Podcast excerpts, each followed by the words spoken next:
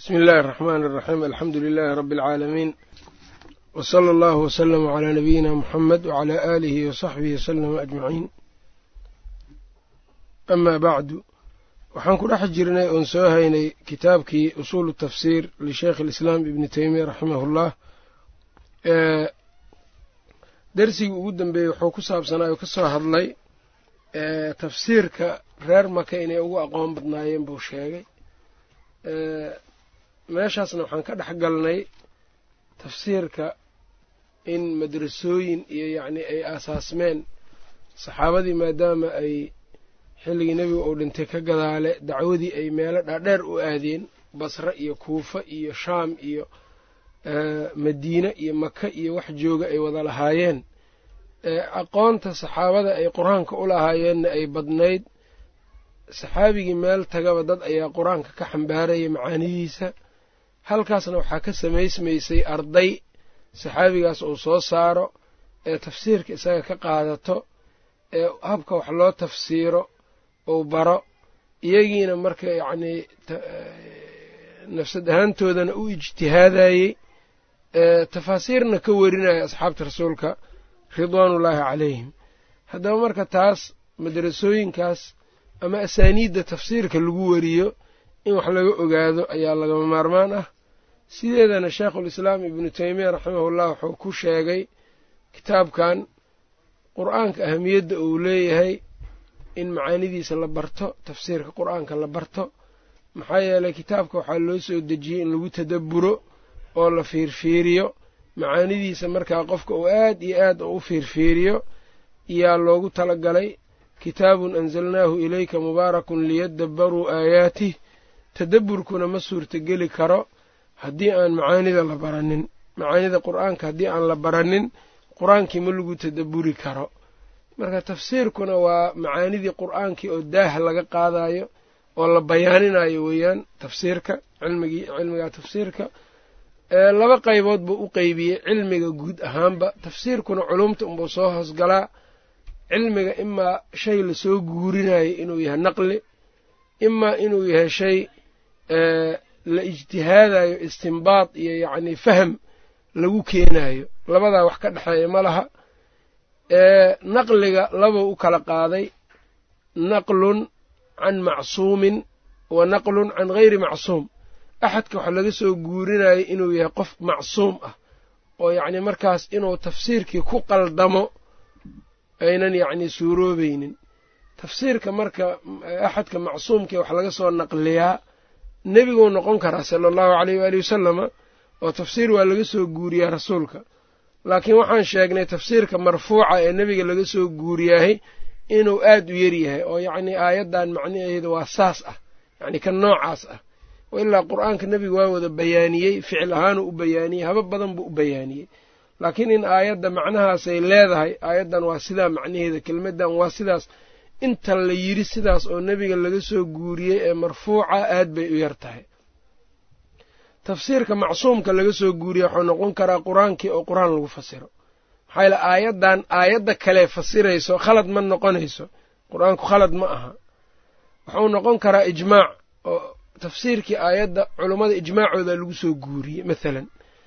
Oo ijmaacu lmufasiriin waxay ku ijmaaceen sidaa iyo sidaa baa layidhi nacam ijmaacu asaguna cisma uu leeyahay oo ummaddan yacnii khalad ma ku kulmayso. Atafsiir marka tafsiirku markuu naqli yahay waxaa kaloo qeybtiisa labaad waa tafsiir laga soo guurinayo cid aan macsuum ahayn. Oo yacnii nebiga yani waxaan u jeedaa saxaabadii ama taabiciintii iyo yaa laga soo naqlinaya oo laga soo guurinayaa. Tafsiirka marka labadaa markaan naqliga u kala qaybino naqligu wuxuu u baahan yahay an yakuuna musadaqan naqli la rumaysan kara inuu yahay oo saxiix ah waxyaabaha marka tafaasiirta ee la soo guuriyo laba ayay u qaybsamaan iyaguna. Wax la fahmi karo saxiixiisa iyo daciifkiisa la kala garan karo. Oo la dhihi karo kan waa saxiix ama waa daciif. Iyo wax aan la dhihi karin oon la garan karin inuu saxiix yahay inuu daciif yahay.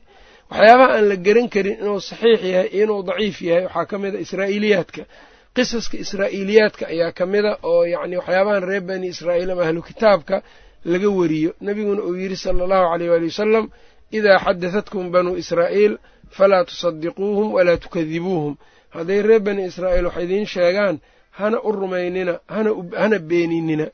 Waxyaabaha waxaa laga hadlayaa waxay tahay waa wixii diinta aysan beeninin. Yacni waxyaabaha reer bani israa'iil laga soo guuriyey waxaan sheegnay inay saddex qaybood ay yihiin.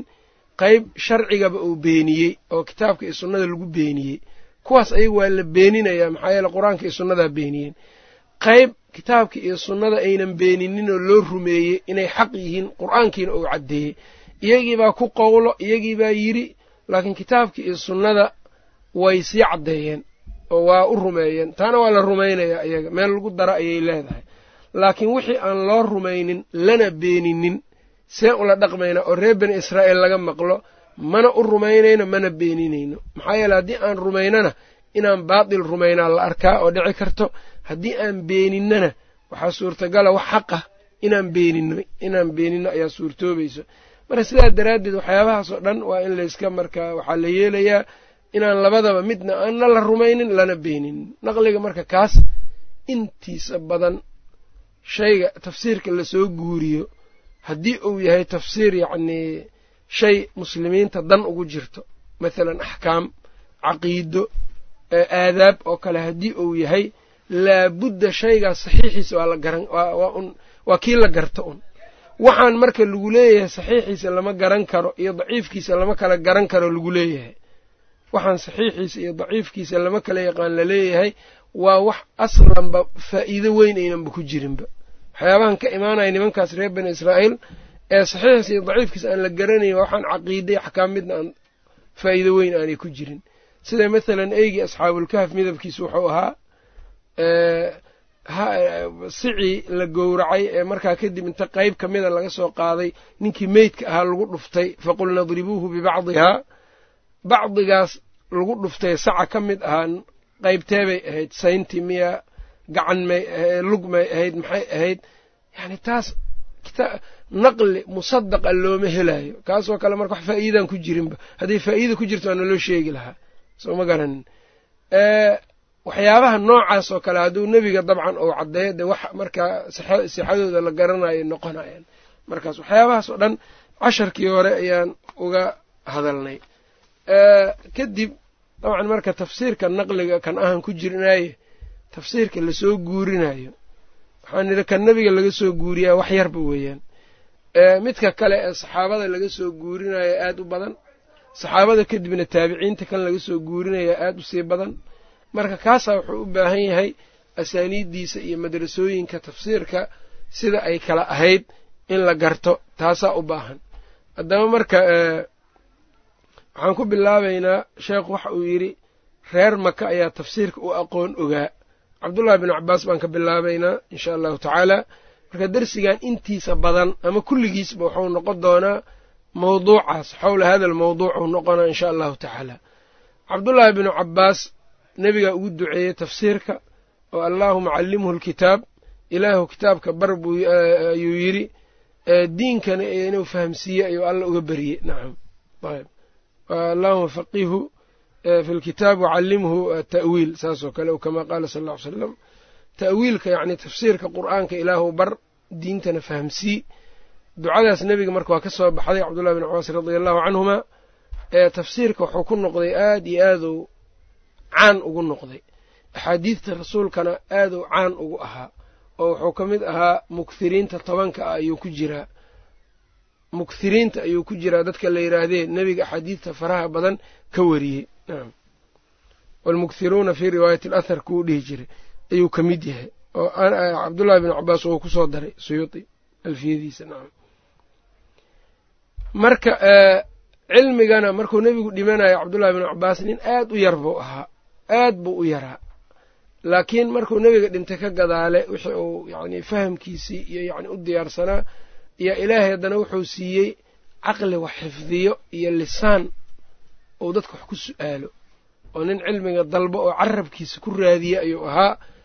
Raggii waaweynaa asxaabtuu ka faa'iideystay cumar bnukhadaab radia allaahu canhu oo kale aad iyo aad uga faa'iideystay saxaabadii zayd ibnu thaabit iyo rag waaweyn oo saxaabada rasuulka ka mida ayuu cabdullaahi binu cabaas uu cilmiga ka qaatay. Nebiga markuu dhintay kadib oo imaamu dahabi siyarka wuxuu ku soo guuriyaa qiso dheer oo cabdullaahi binu cabaas iyo nin dhallinyaro ah oo reer ansaar ah ayaa intay isa soo raaceen ayaa wuxuu ku yidhi ninkii cabdullahi bnu cabbaas ninkii ansaariga ahba wuxuu ku yidhi wiilkii yaraa tacaala falnatlub ilcilma kaale aan cilmiga dalabno ina asxaaba rasuuli llaahi sala allahu aleyh waali wasalam mutawaafiruuna alyowm asxaabta rasuulka maanta aaday u joogaan waa badan yihiin waa buuxaan intaynan dhimanin kaale aan wax ka baranne wiilkii dhallinyarada ah reer ansaar waxa uu yidhi waxaad u malaynaysaa dadka inay kuu baahan doonaan atadunnu ana annaasa yaxtaajuuna ilayka ma waxaad u malaynaysaa buu yidhi dadka inay kuu baahan doonaanba in lagu baahan doono miyaad u malaynaysaa asxaabtii baab iska joogtay raggii waaweynaayaa joogo isagii marka cabdullaahi bin cabbaas cilmigii inuu dalbo ayuu iska galay oo saxaabiga marka uu xadiidka uu rabo inuu ka qaato ama uu tafsiirkaba su'aalayo waxaa dhici jirtay inuu gurigiisa albaabka hortiisa iska seexdo. Markii uu la yidhaha waa jiifaa saxaabiga halkaasuu iska fariisan jiray oo seexan jiray iyadoo dabaysha marka ay ku sayrayso ciidda. Saxaabigaa u soo baxayo markaasaa wuxuu dhihi jiray yabna cami rasuulillaah aniga ayaa kuwa imaan lahaa maxaa ii weydii weyso idhihi weysay ii imaaw. Anaa kuwa imaan lahaaba. Markaasu wuxuu dhihi jiray cilmiga isaga ayaa loo imaadaa.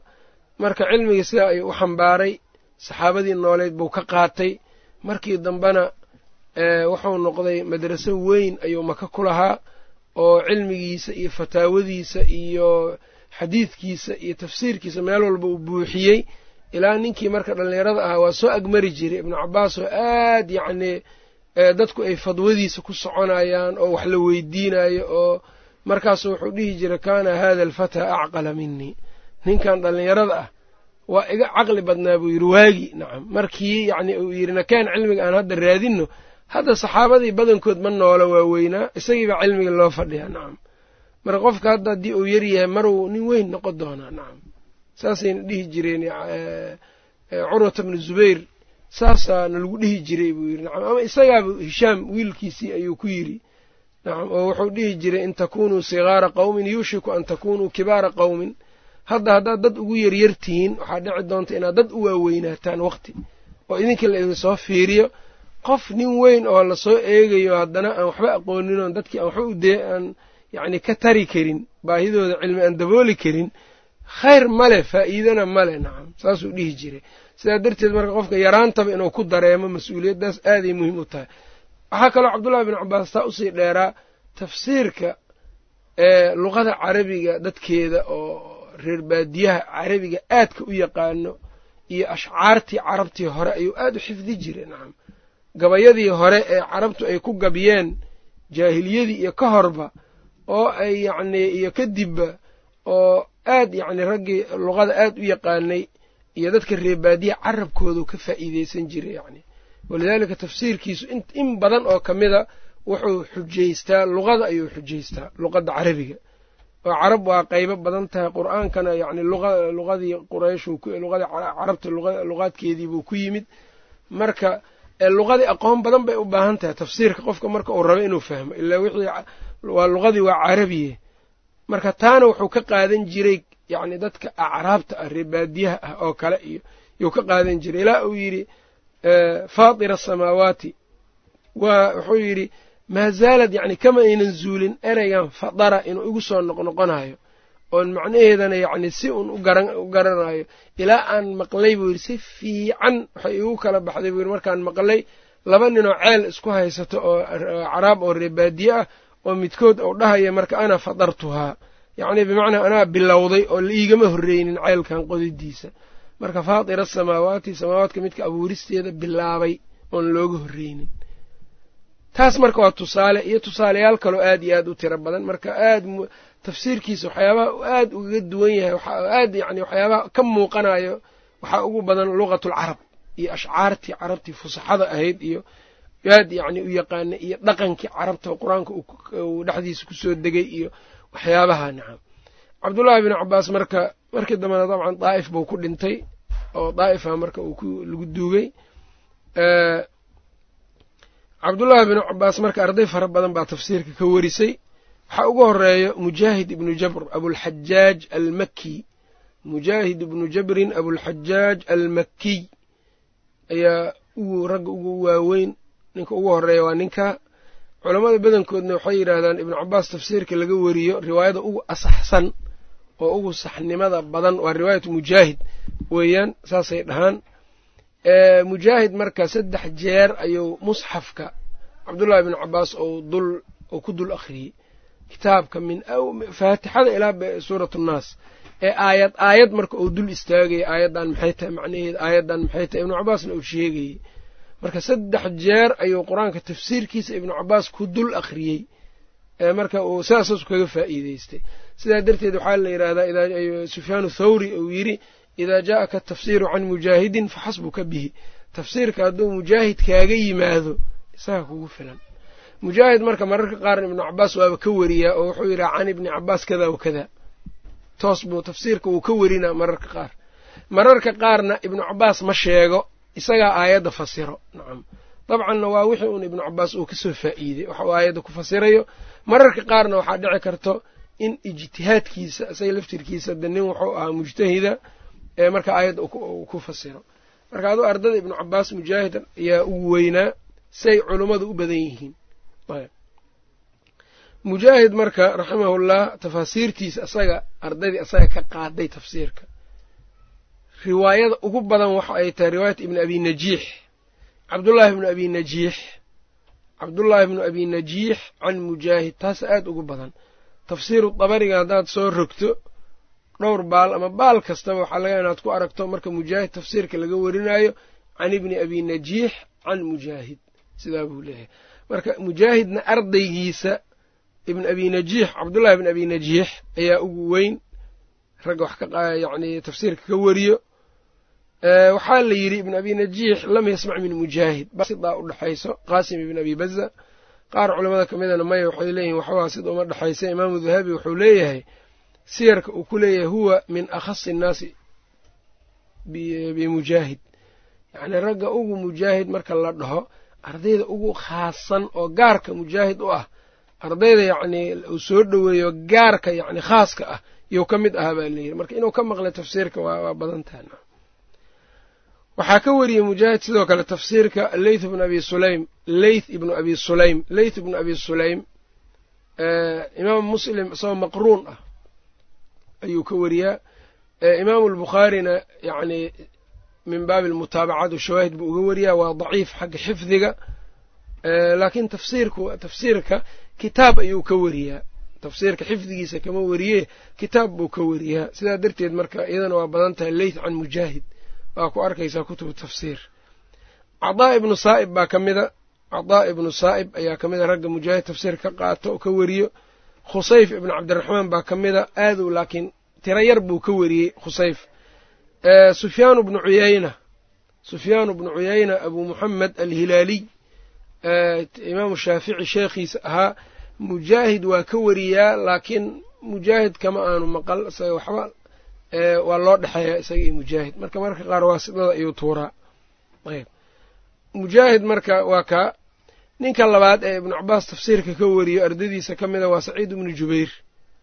Waa saciid ibnu jubayr raximahullah taabiciga la yidhaahdo caliy ibnu lmadini oo shaykhu lbukhaari ah. Tafsiirka marka la dhaho ardada ibnu cabaas wuxuu kow ka dhigay saciid ibnu jubayr. Laakiin culammada badankood mujaahiday ka dhigeen waa soo aragnay saciid ibnu jubayr wuxuu ahaa akharu taabiciina cinaayatan bilisraa'iiliyaat. Qisaska israa'iiliyaadka werintooda taabiciinta ninka ugu badan buu ahaa cinaayo siiyo. Ayb. Walidaalika aathaarta ibnu cabaas laga werinayo israa'iiliyada ah inta badan saciid ibnu jubayraa ka weriyey ibnu cabaas ayb. Saciid ibnu jubayr tafsiirka isaga waxaa ka weriyo rag badan cabdulaclaa baa ka mida camr bnu mura ayaa ka mida alhamdani minhaal ayaa ka mida alacmash sulaymaan bnu mihraan abu muxamed alkaahili ayaa ka mida acmash weeyaan. Cadaa ibnu saa'ib baa ka mida.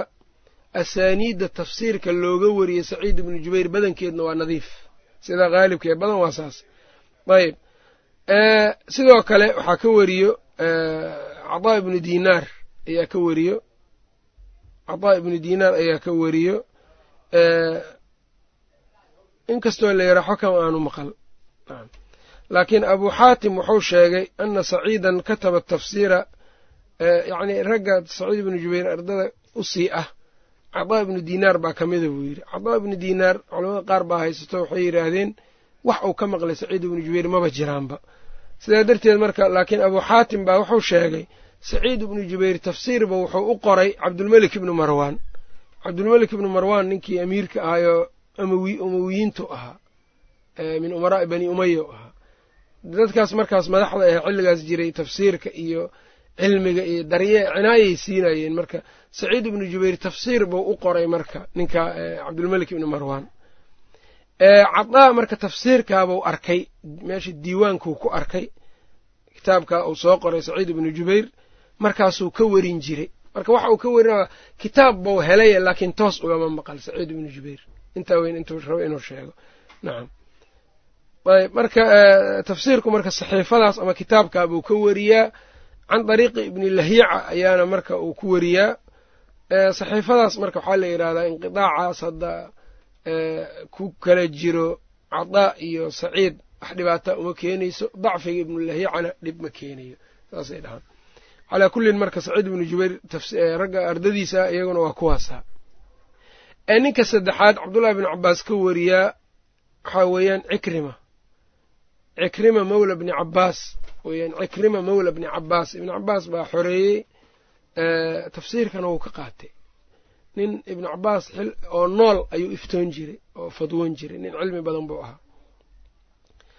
Asbaabu nusuulka ayuu aad u yaqaanay iyo munaasabaadka aayaadka munaasabaadka suurooyinka.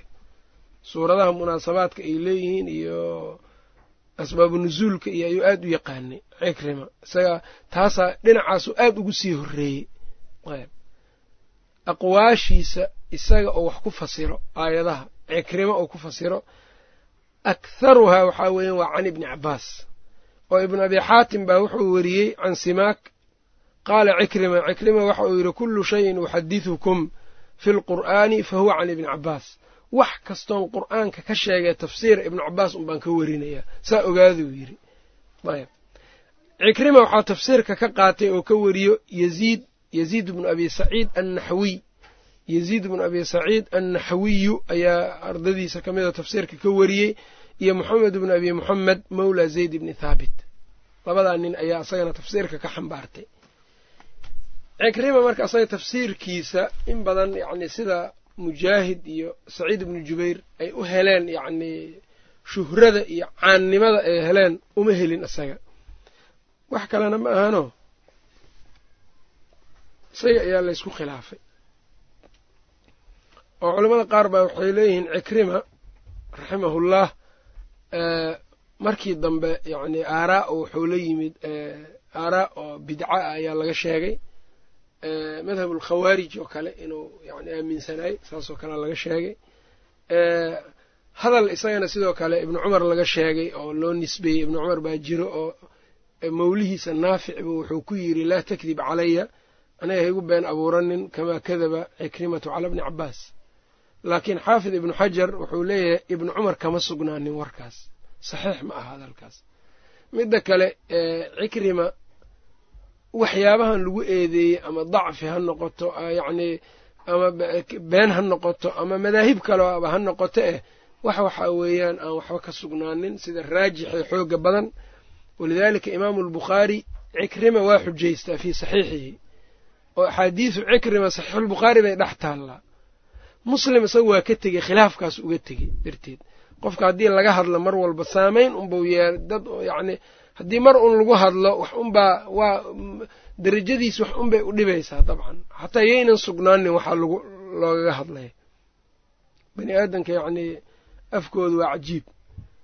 Sidoo kale cikrima ibnu jariira difaacay ibnu jariir atabari imaamu almufasiriin waxaa sidoo kale aad u difaacay moxamed ibnu nasr almarwasi nacam moxamed ibnu nasr almarwasi sidoo kale kitaab uu leeyahay oo juluudulmeyta iyo ku saabsan iyo magdeynta iyo waxyaabahaas uu kaga hadlay yaa uu ku soo qaatay. Ibnu xajarna hadal dheer hadiyusaariga muqadamada fatxulbaariga ayuu cikrima ugaga hadlay kuna difaacay. Calaa kullin cikrima waa nin ahlu cilmiya cilmigiisana lagu kalsoon yahay. A'immada marka tafsiirkana ka mida a'immatu tafsiirna ka mida. Tafsiirkana aqoon dheeroo badan u leh. Nacam waa dhacdaa dad badan oo mufasiriin nooc anwaac yani ama nooc ama anwaac bidaca bidcooyna lagu sheegay. Laakiin yani cilmigooda iyo bidcada waa kala laba lana yani xataa hadday bidcadu sugan tahay. Waxaa weeyaan haddii iyada laga ixtiraazi karo yani haddii cilmigii ou cilmi ama riwaayadiisu hadday tahay riwaayo la aamino oo nin run badan uu yahay wax sida ay tahay u soo guuriyo wax bidcadiisa uunan ku taageeraynin oo ka hadlaayo maqbuul weeyaan nacam ibnu imaam imaamu dahabi miisaan lictidaalka sida uu ku sheego fii tarjamati abani bni taklib uu yidhaahdo lanaa sidquhu wa calayhi bidcatuhu. Bidcadiisa uu leeyahay asaga. Annagana runtiisaan leenahay nacam qaybtaa marka waa dad badanoo waxaa jiro yacni la leeyahay waxaa lagu tuuray bidcatulqadar bidcatulkada bidcooyin badan lagu sheeg sheegay haddana laakiin marka ay cilmiga tahay hadday cilmiga ku yihiin dad cilmi loo aamino waa la aqbalayaa yani riwaayadooda waa kala laba marka nacam dad badan bay isaga dardaran tahay. Nacam cikrima marka ninkaasu ahaa tan afaraad waxaa weeyaan ninka afaraad cabdullahi bnu cabaas aada uga wariyey tafsiirka caliy bnu abi alxa caliyu bnu abi talxa weeyaan can ibni cabaas aadaa kutubta loogu arkaa caliy bnu abi talxa can ibni cabaas ninkan marka laakiin caliy bnu abi talxa ibnu cabaas toos waxba ugama uusan maqlin ibnu cabaas waxba toos ugama aanu maqal laakiin cidda uga soo sheegtay ibnu cabaas oo isaga ibnu cabaas u dhexayso ayaa la garanayaa nacam oo waxaa lagu sheegay inuu mujaahid yahay sida xaafidkuba uu caddeeyey fatxulbaariga alamaali almutlaqa kitaabkaana wuxuu ku caddeeyey xaafidku inuu yahay wuxuu sheegay waasidadu inay tahay mujaahid iyo saciid ibnu jubayr imaa yacni caliy bn abi talxa tafsiirka ibnu cabaas oo u maraayo saciid ibnu jubayr uu ka maqlay ama mujaahid uu ka maqlay can ibni cabaas de saciid ibnu jubayrna waa hiqo mujaahidna waa hiqo haddii la garanayo marka isaga ibnu cabaas dadka u dhexeeyo wax dhibaataa markaas ma leh nacam oo inqitaaca iyo go'naantaas sanadka wax dhibaataa oo ay ku keenayso ma jirto ayb marka cali bn abi dalxana marka saxiifadiisu waa saxiifada waa saxiifo aada looga soo guuriyey tafsiir kitaabou lahaa tafsiirka ibnu cabaas uu ku qoray. Marka aadaana ka yani cali bn abi talxa can ibni cabaas aad baa loo soo guuriyaa tafsiirkaas. Walidalika imaamu albukhaari fii saxiixihi kitaabu tafsiir tafsiirka uu ictimaadayo ibnu cabaas marka wax laga warinayo waa caliy bn abi talxa waa riwaayata caliy bn abi talxa can ibni cabaas ayuu gaar u ictimaaday. Imaam axmedna sidoo kale wou ammaanay riwaayada waa ictimaaday. Marka bacdi naas waxaa arkaysaa cilay waxay ka dhigayaan caliy bn abi talxa waxay maqlayaan mathalan ibnu cabaas ma soo gaarin. Markaase waxay leeyiin tafsiirkan ibnu cabaas maba sugnaba oo caliy bn abi talxa uu ka sheegayo sababtoo ah cilou leeyahay ciladuna waa inqitaac ninkan marka cali iyo ibnu cabaas isma soo gaarin. Sidaa darteed marka waa daciifay ku leeyihiin marka. Sidaana saasna sax ma aha nacam daciif ma ahne bal tafsiirka ibni cabaas kan bukhaari ou ictimaaday waa riwaayadan cali bn abi talxa inqidaacana marka waxaa looga jawaabayaa dadka yacni isaga ma soo gaarin ibnu cabaas waa run laakiin waxaa uga tafsiirka ibnu cabaas ee uu werinaya ninkan wuxuu ka wariyaa mujaahid ama saciid ibnu jubayr iyaguna waa raggii ibnu cabaas waay ardadii ibnu cabaas waay. Marka inqidaaca haddii cillo kale aan loo haynin inqidaac lagu cilayn maayo nacam. Waa dhici kartaa isaga laftirkiisa tafsiir ou la gooni noqdo bacdilmaraad marka in shuduud lagu xukumo ama nakaara lagu xukumo. Aa iska suurtagal waa dhacdaa. Isaga laftirkiisana waxaa lagu sheegay yani nooc yani min anwaac ilbidac baa lagu tuuray. Ayb nacam cali bn abi dalxa marka isaga waxaa wax ka wariye oo tafsiirka ka xambaaray mucaawiyatu bnu abi saalix mucaawiyata bnu saalix. Mucaawiyahaasna cabdullaahi bnu saalix baa ka wariyey. Marka sanadku wuxuu noqonayaa cabdullahi bnu saalix can mucaawiya can caliy bni abi talxa can ibni cabaas uu noqonaya sanadka marka. Kaasaana aad yani daad dabariga fiiris waa ku arkay sanadkan. Asaaniiddan o dhan haddaad rabto inaad dabaqdo tafsiiru dabariga xoogaa ka akri nacam waa saas ugu soo noqnoqonaya sida haalibka ee badan. Tafaasiirta marka waa sheegi doonaa oo asaaniidda aada cinaayo u siisa tafsiirka xaggiisa. Ninka shanaad waxaa weeyaan ibnu cabaas ka wariyey tafsiirka cadaa bnu abi rabaax cataa bnu abi rabaax cataa bnu abi rabaax sayidu taabiciin ayaa la yidhaahdaa asalkiisu nin madow buu ahaa afrikaan ah. Aadna u cilmi badan oo maka yacni marka la joogo manaasigta ninka ugu aqoonta badan cadaa ibn abi rabaax u ahaa masaa-isha ku saabsan xajka iyo waxyaabaha ku saabsan cilmiga kalena mufti mufti lxaram buu ahaa nacam. Imaamu dahabina shaykhulislaam ayuu laqab uga dhigay. Cabdullaahi bnu cabbaas oo nool isagaa iftoon jiray oo cabdullahi bnu cabbaas oo iftada ku aamini jiray marka nin aad u cilmi badan una cibaado badan buu ahaa nin saalixna ah. Ayb cadaa bnu abi rabax ardadii ibnu cabbaasuu ka mid ahaa. Ardayda ibnu cabbaas buu ahaa. Tafsiirka badanaa isaga ibnu jurayja ka weriyey ibnu jurayj can cadaa ibni abi rabax can ibni cabbaas weeyaan. Laakiin meeshaan latiifa ku jirto waxay tahay laba cadaa ayaa jirto. Ayb oo ibnu cabbaas labadaba ka weriso cadaa ibnu abi muslim cadaa ibnu abi muslim alkhuraasaani waxaa la yidhaha cadaa alkhuraasaani midkaas. Kanna waxaa weeyaan cadaa bnu abi rabaax cataa bnu abi rabaax iyo cataa bnu abi muslim. Laba cataa weeyaan nacam kan ugu badan marka ee soo arooro cataa can ibni cabbaas tafaasiirta aad ku arkayso ibn abi rabax ma aha waa khuraasaaniga waa nacam labadooda yaa badan tafsiirka ku badan tafaasiirta ku badan waxaa ku badan cataa ibni abi muslim alkhuraasaani kaasaa ku badan. Dad badan marka waxay moodayaan tafaasiirta ibnu jariirka oo kale waxay ku arkaan can cataa can ibni cabbaas. Waxay malaynayaan marka cataa ibn abi rabax inuu yahay. Maaha cataa ibn abi muslim alkhuraasaaniga haalib u badan kaasaa badan nacam ibnu jurayja asagana ka wariyey marka. Marka ibnu jurayj laba cadaa buu tafsiirka ka wariyaa ibn abi rabax iyo ibn abi muslim. Labadana mid kasta waxaa la yidhaahdaa cadaa baa la yidhaha laakiin ibnu jurayj hadduu itlaaqo ee uu yidhaha can ibni jurayj can cataa haddaa aragto oo saa loo itlaaqay loo sii daayey waxaa u jeedaa cadaa alkhuraasaani nacam cataa alkhuraasaani ayuu u jeedaa. Amaa tafsiiru suurati albaqara iyo tafsiiru aali cimraan cadaa alkhuraasaani inuu u weriyo ama uu yacni u sheego ibnu jurayj waa diiday marka haddaad suuratu albaqara iyo suuratu aali cimraan cadaaga uu ka werinaya ibnu abi rabax waaye amaa baaqi alqur'aan waa khuraasaaniga hadduu itlaaqo cadaa uu yidhaahdo ayb. Cadaa alkhuraasaanigaas tafsiirka waxaa ka wariyoo kale ibnu jurayj marka laga tago wiilkiisa cuhmaan ibni cataa ibni abi muslim alkhuraasaaniy can abiihi. Aabihiisuu ka wariyaa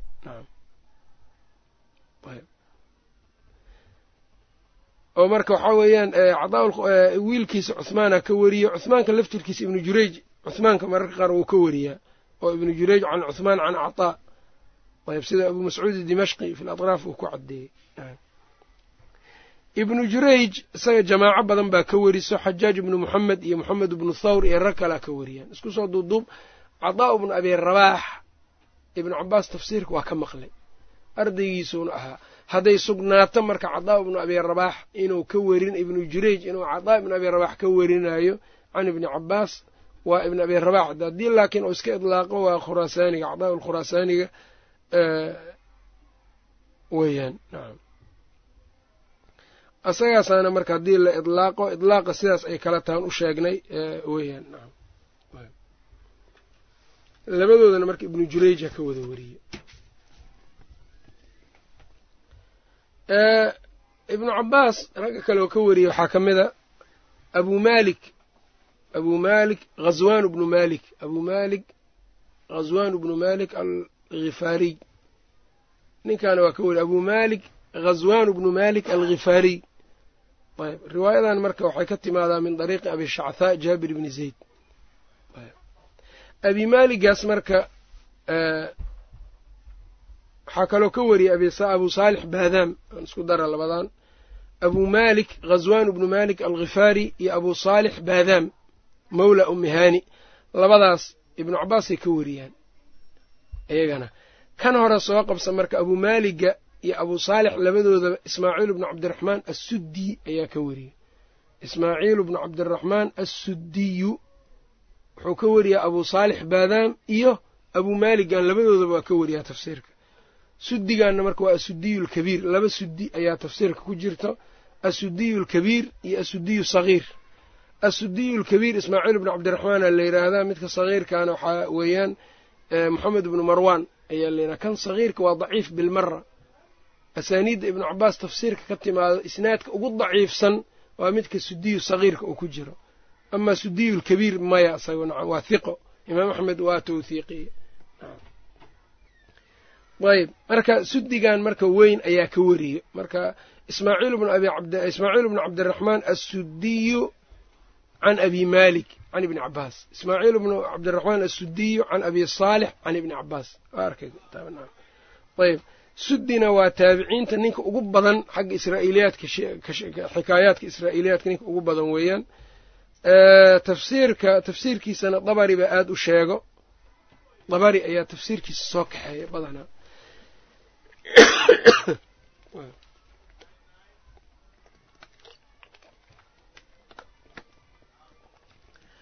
amaa abu saalix maadaam isaga tafsiirka waxaa ka wariyo sudi asudiyu lkabiirkaas iyo kelbi moxamed bnu saa'ib alkalbiyu.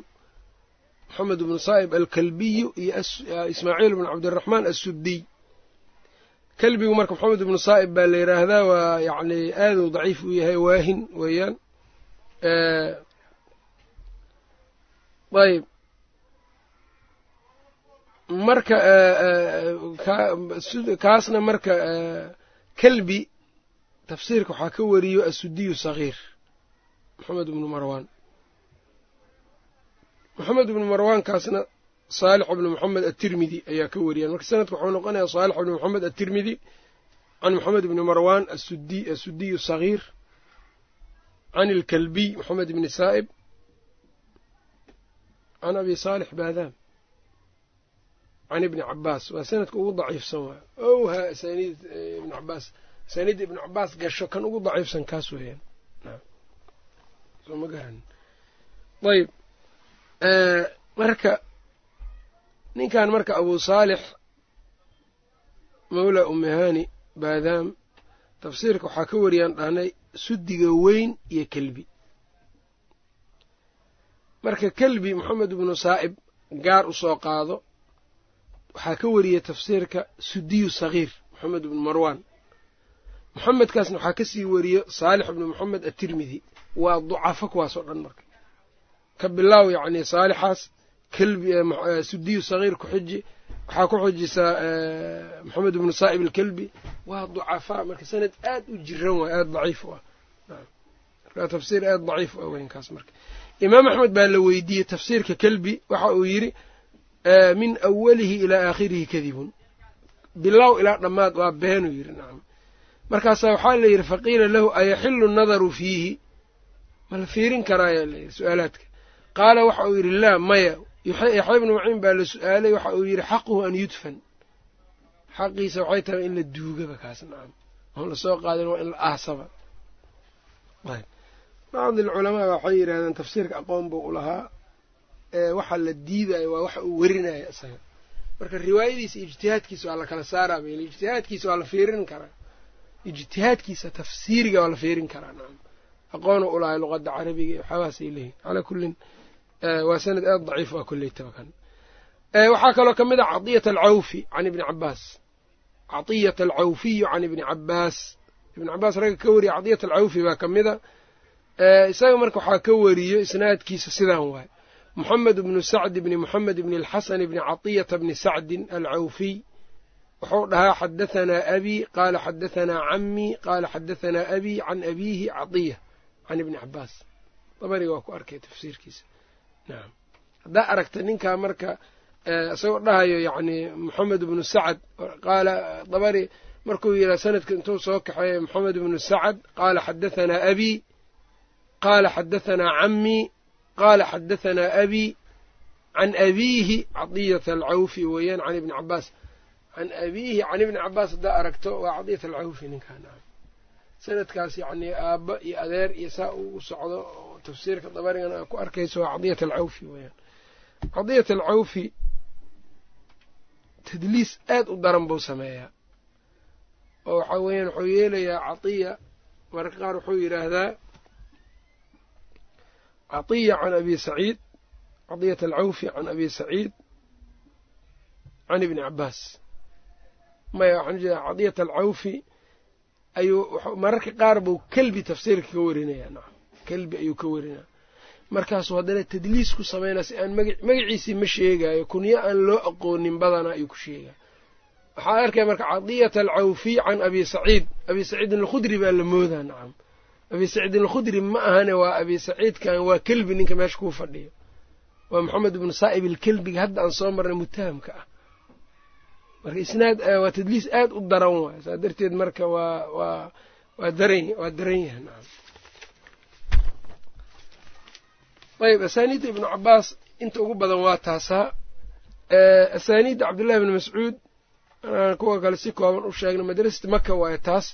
Kuufa imaaw kuufa tafsiirka laba madrasaa ugu waaweyneyd ibnu mascuud iyo cali bni abi aalib radia allahu canhum radia allahu canhuma ibnu mascuud soo qabso. Ibnu mascuud awalan tafsiirka aadaa loogu ammaanay oo rasuulka sal isagaba wuxuu leeyahayba dadkii nebiga uu yidhi qur'aanka ka bartana wuu ka mid ahaa. Afartii qof. Cabdullahi bni mascuud buu u hormariyey. Tan kale cabdullahi bni mascuud nin aad u fiqhi badanna waa ahaa faham badan diinka faham badan u leh midda kale waxa uu yidhi yacnii intaasoo toddobaatan suuradaa nebiga ka qaatay yidhi aniga nacam. Oo nebiga afkiisa aan ka qaatay. De waagaasna qur'aanka qaadashadiisu yani ma ahayn keliya lafdi inuu qaadanayo. Macaanidii iyo wixii dhammaay buu ka qaadana haddaan ogaa lahay buu yidhi qof iiga aqoon badan aayad yacni qur'aanka ka mida oo uu gaaro yacni gaadiidka uu gaaro waa raaci lahay waa aadi lahay. Yuri gaadiidka intaan raacan ka faa'iidaysa lahay marka aada u yaqaana qur'aanka marka. Tafsiirkiisa wuxuu u ah waxaa ka mid a altafsiir bilqiraa'aat qiraa'aadka ayuu ku kala fasiri jiray. Nacam aayaddan mathalan qiraa'adan qiraa'o kaleu ku fasira. Aayaddan ayuu wuxuu ku fasirayaa aayad kale yacnii iyadoo qiraa'o kale ah ayuu keenayaa marka tafsiir baa ka imaanaya meesha. Nacam ee ragga tafsiirka isaga aada uga wariyo waxaa ka mid ahaa masruuq ibnu ljdac masruuq ibnu ljdac sanadka ugu asaxsan ibnu mascuud. Saan weeyaan. Masruuq ibnu ljdac baa isaga ka wariya tafsiirka. Masruuqna waxaa ka sii wariyey abuduxaa ayaa ka wariyo asaxu asaaniid tafsiir ibni mascuud kaas waay abuduxaa can masruuq can ibni mascuud. Dabariga waa ku arkaya tafsiir dabariga.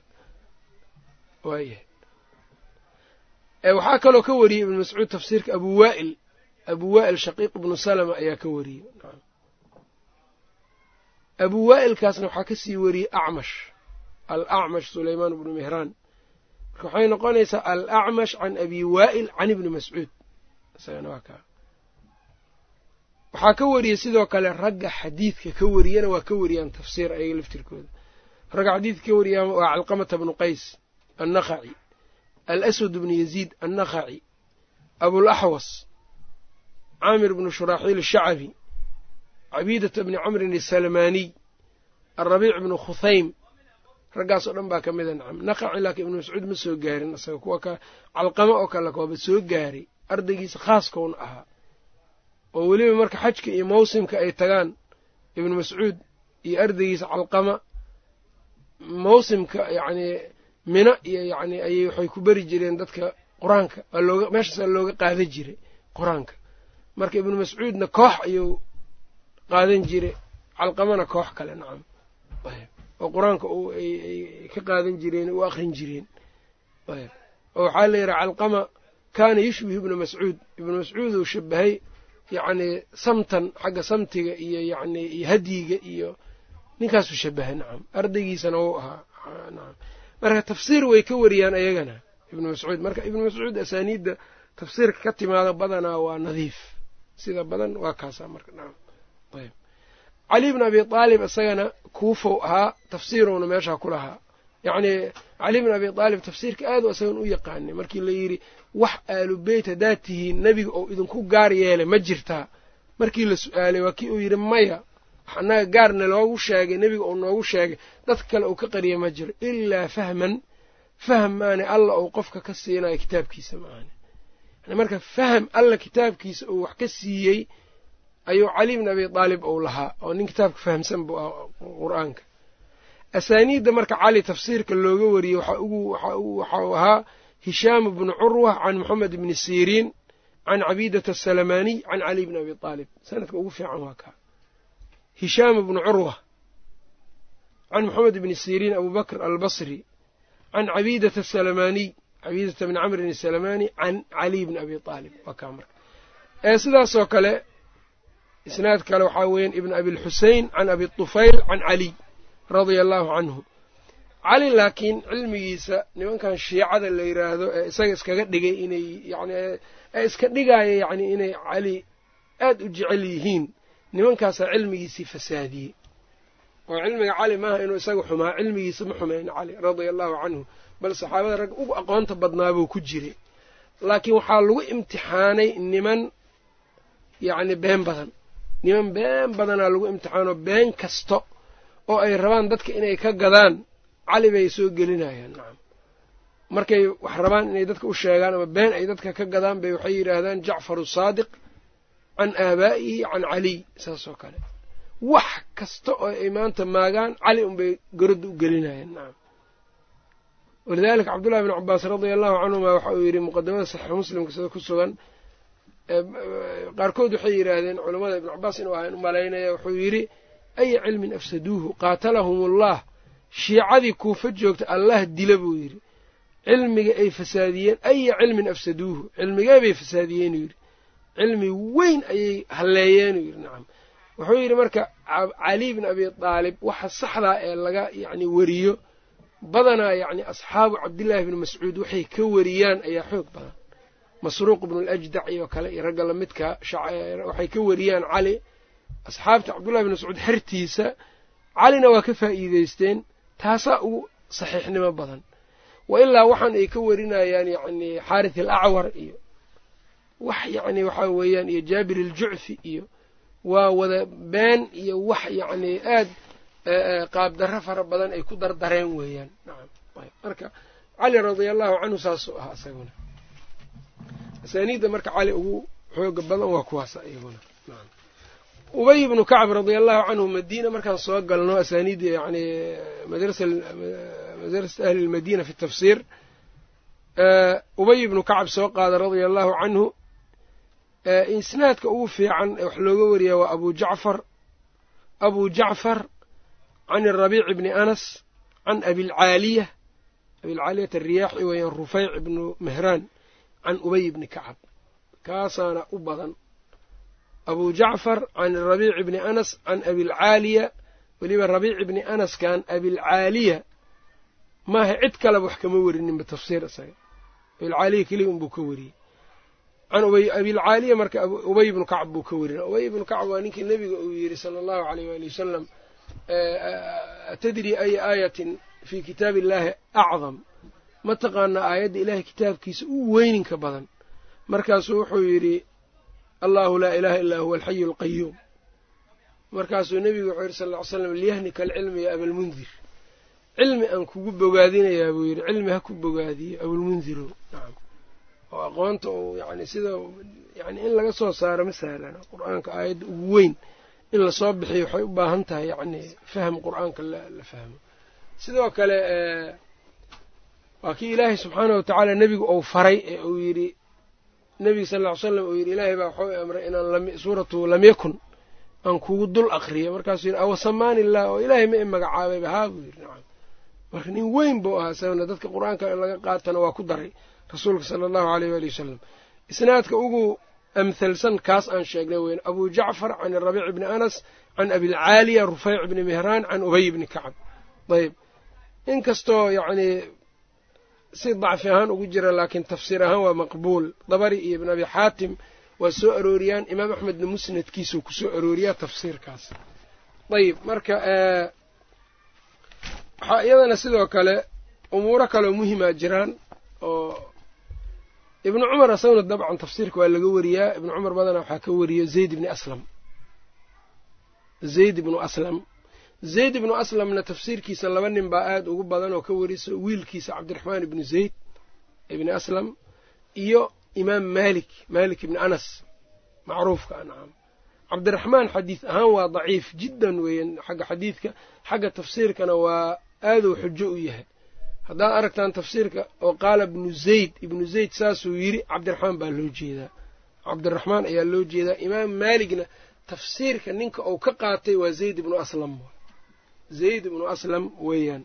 Nacam umuur marka waxaa jirta muhima in la ogaado u baahan. Umuurahaas waxaa ka mid a suddi haddii la iطlaaqa tafsiirka midka weynaa loo jeedaa.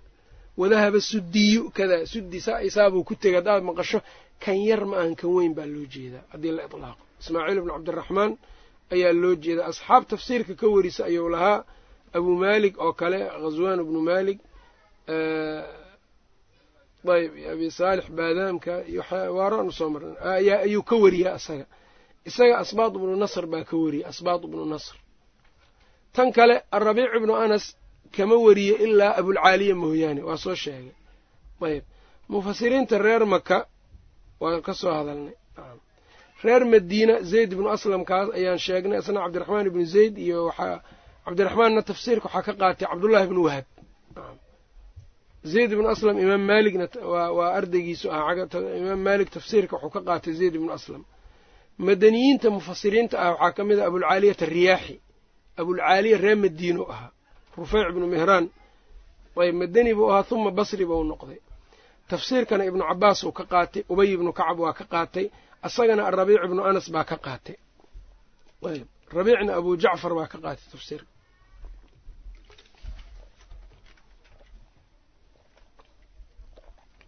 madaniyiinta tafsiirka laga wariyey waxaa ka mid a moxamed ibnu kacb alquradi.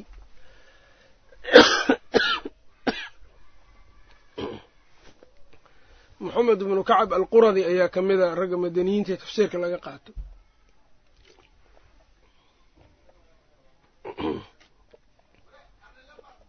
tafsiirkiisa yani sida ugu badanna waa min dariiq abi macshar abi macshar badanaa xaggi dariiqa ayuu ka yimaadaa. Nacam ayb iyo min dariiqi muusa bni muusa bni cubayda can moxamed ibni kacab saasaa u badan.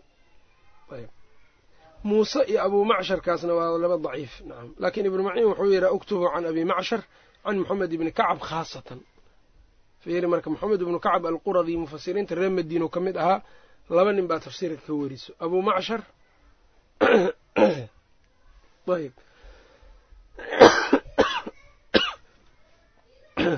iyo muusa bnu cubayda. Abu macshar iyo muusa bnu cubayda.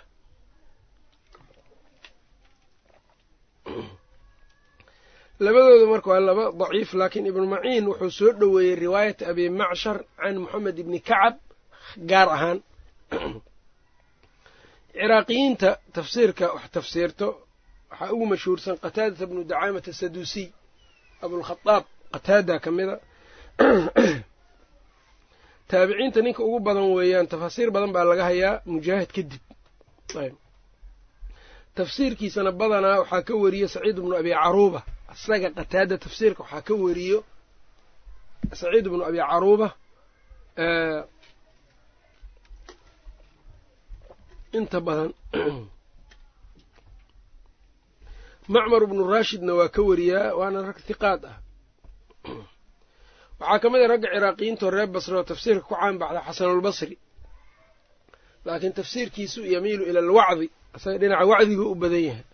Hadaa aragta tafsiirka yacni xasanulbasri wa qaala alxasan marka la leeyahay wuxuu ku siinaya yani aayadda qur'aanka wuxuu u fasirayaa hab wacdi ah. Nacam qofka lagu wacdinaa qalbigiisa aada u saameynayso ayb.